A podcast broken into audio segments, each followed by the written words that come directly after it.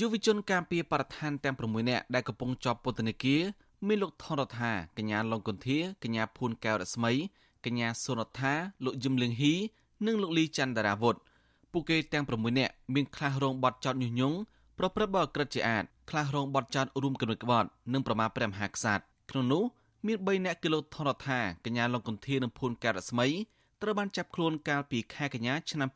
2020ហើយត្រូវតុលាការកាត់ទោសឲ្យជាប់គុក ពី18ខែទៅ20ខែហើយពិន័យជាប្រាក់ម្នាក់4លានរៀលឯយុវជន3នាក់ទៀតនគរបាលបានចាប់ខ្លួនកាលពីថ្ងៃទី16ខែមិថុនាសប្តាហ៍មុនហើយបច្ចុប្បន្នកំពុងជាប់ឃុំបណ្ដោះអាសន្ននៅពន្ធនាគារព្រៃសររងចាំសវនាការអង្គសក្តីយុវតីម្នាក់នៅខេត្តបាត់ដំបងកញ្ញាកឹមលៈទាមទារឲ្យរដ្ឋាភិបាលនិងតុលាការដោះលែងសកម្មជនបរិស្ថានទាំង6នាក់ឲ្យមានសេរីភាពឡើងវិញកញ្ញាចាត់ទុកការចាប់ប្រកាន់យុវជនបរិស្ថានពីបកក្បត់ជាតិនិងប្រមាថព្រះមហាក្សត្រ ថាជារឿងអស់សំណើចដោយសារអាញាធរចាប់អ្នកធ្វើការងារដើម្បីផលប្រយោជន៍សង្គម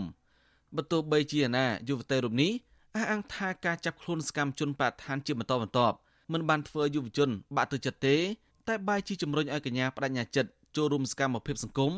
ឬក៏សកម្មភាពបរិស្ថានទៅវិញ។ ខ្ញុំជាយុវជនមករោគដែរខ្ញុំត្រូវតែដឹងពីប្រទេសកម្ពុជាដែលកំពុងតែចិត្តវិនិច្ឆ័យហិនហោចអស់ហើយអញ្ចឹងបែរជាខាងយុវជនគាត់មានគំនិតថាចង់ការពារបែរជាថាគាត់ជាភេរវកម្មអញ្ចឹងខ្ញុំវាអស់ចំថានិយាយទៅថាយើងនិយាយតែម្នាក់ឯងក៏វាមិនអាចទេសុំអំពាវនាវដល់យុវជនខ្មែរគ្រប់រូបដែលរស់នៅប្រទេសកម្ពុជាយើងឲ្យមានការឈឺចាប់ផងទៅលើអំពើដែលពួកគាត់បានធ្វើមកលើយុវជនដែលបានចាប់នៅក្នុងពន្ធនាគារ ដូចគ្នានេះដែរយុវជនម្នាក់ទៀតនៅក្រុងភ្នំពេញលោកពុតកលការសោកស្ដាយចំពោះការចាប់ប្រកាន់ទាំងឡាយប្រឆាំងនឹងយុវជនការពារបរិស្ថានលោកយល់ថារដ្ឋាភិបាលគួរតែលើកសរសើរដល់យុវជនទាំង6នាក់ជាជាងការចាប់ខ្លួនពួកគេដាក់ពន្ធនាគារយុវជនរូបនេះស្នើឲ្យអាជ្ញាធរពាក់ព័ន្ធពិចារណាឡើងវិញដោះលែងយុវជនទាំង6នាក់ហើយស្នើឲ្យជួយជ្រោមជ្រែងដល់យុវជនទាំងអស់ដើម្បីឲ្យពួកគេអាចសម្ដែងមតិបញ្ចេញយោបល់ហើយនឹងធ្វើសកម្មភាពការពារបរិស្ថានបានទូលំទូលាយ ព្រមទាំងគ្មានការធ្វើទុកបុកម្នេញតទៅទៀត។ សម្រាប់ខ្ញុំបើធានាជារដ្ឋាភិបាលវិញខ្ញុំនឹងលើកជាខិតសារឬក៏ផ្ដល់គ្រឿងអេសយយុះជូនទៅដល់សកម្មជនទាំងអស់នោះពីព្រោះការចូលរួមរបស់ពួកគាត់នេះមិនមែនមានន័យថាគាត់ធ្វើឡើងគឺដើម្បីប្រយោជន៍ខ្លួនគាត់ទេគឺធ្វើឡើងដើម្បីប្រយោជន៍រួមដល់ប្រទេសកម្ពុជាយើងដល់ប្រជាជនកម្ពុជាយើងទាំងអស់គ្នាប៉ុន្តែនៅពេលដែលគាត់ទទួលរងនៃការចាប់ខ្លួនឬក៏ខាត់ខ្លួនឬក៏ធ្វើទុកបុកម្នេញពីអាជ្ញាធរបើជាគាត់រងទុកតែឯងប៉ុន្តែនៅពេលដែលប្រយោជន៍គឺបែរទៅជាប្រយោជន៍រួមវាហាក់បីដូចជារឿងអយុត្តិធម៌ដែលកើតឡើងទៅលើសកម្មជនបរិស្ថាននោះទៅធានធម្មជាតិទាំងអស់នោះ ចំណែកអ្នកការពារព្រៃឡង់គឺយុវតីឈៀងលីហៅការចាប់ខ្លួនយុវជនទាំង6នាក់នេះថាជាការបំបាក់ស្មារតីនិងជាការធ្វើទុកបុកម្នេញដល់អ្នកហ៊ានការពារធនធានធម្មជាតិកញ្ញាសង្កេតឃើញថាការចាប់ខ្លួនយុវជនទាំង6នាក់នេះបានជាអត្តពលយ៉ាងខ្លាំងដល់សកម្មភាពការពារប្រធាននិងប្រៃឈើកញ្ញាក៏បារម្ភថាយុវជនផ្សេងទៀតអាចនឹងខ្លោចខ្លាចលែងហ៊ានចូលរួមការពារធនធានធម្មជាតិហើយពេលនោះធនធានធម្មជាតិរបស់កម្ពុជានឹងត្រូវវិនិច្ឆ័យទាំងស្រុង។ហាក់ ជាបាក់ស្បាតដែរដោយសារតែឃើញសកម្មភាពចឹងចឹងទៅយុវជនក្រោយក្រោយក៏គាត់មិនសូវជាហ៊ានចូលរួមការពារលើវិស័យទុនធានធម្មជាតិនឹងទេដោយសារគាត់ខ្លាចគេចាប់គេអីចឹងទៀតទៅណាដោយឡែកប្រធានសមាគមបណ្ដាញយុវជនកម្ពុជាលោកអូលវ៉ាន់សង្កេតឃើញថាយុវជនប្រធានទាំង6នាក់មានសក្តានុពលនៅក្នុងការការពារបរិស្ថានលោកបន្តថាពួកគេក៏ជាយុវជនមានចំណេះដឹងមានជំនាញផ្នែកបរិស្ថានហើយមានបេះដូងស្រឡាញ់ធនធានធម្មជាតិ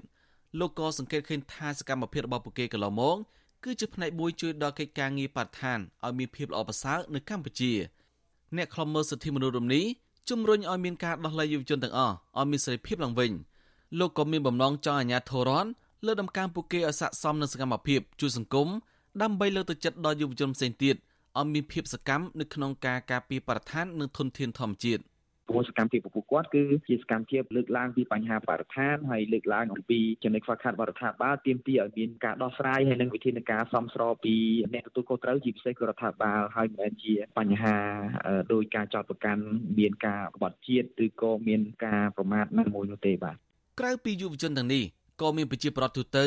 រួមទាំងអ្នកច្បាប់អ្នកនយោបាយអ្នកខ្លមមើលសង្គមអ្នកការពារធនធានធម្មជាតិនៅលើពិភពលោកអង្គការសិទ្ធិមនុស្សជាតិអន្តរជាតិ ហើយនៅតំណាងស្ថានទូតប្រទេសលោកសេរី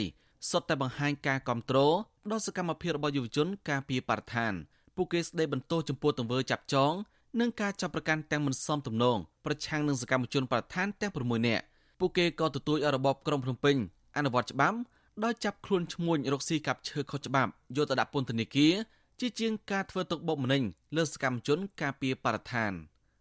ខ្ញុំសនចររថាវិទ្យុអេស៊ីសរ៉ៃ រាយការណ៍ពីរដ្ឋធានីវ៉ាស៊ីនតោន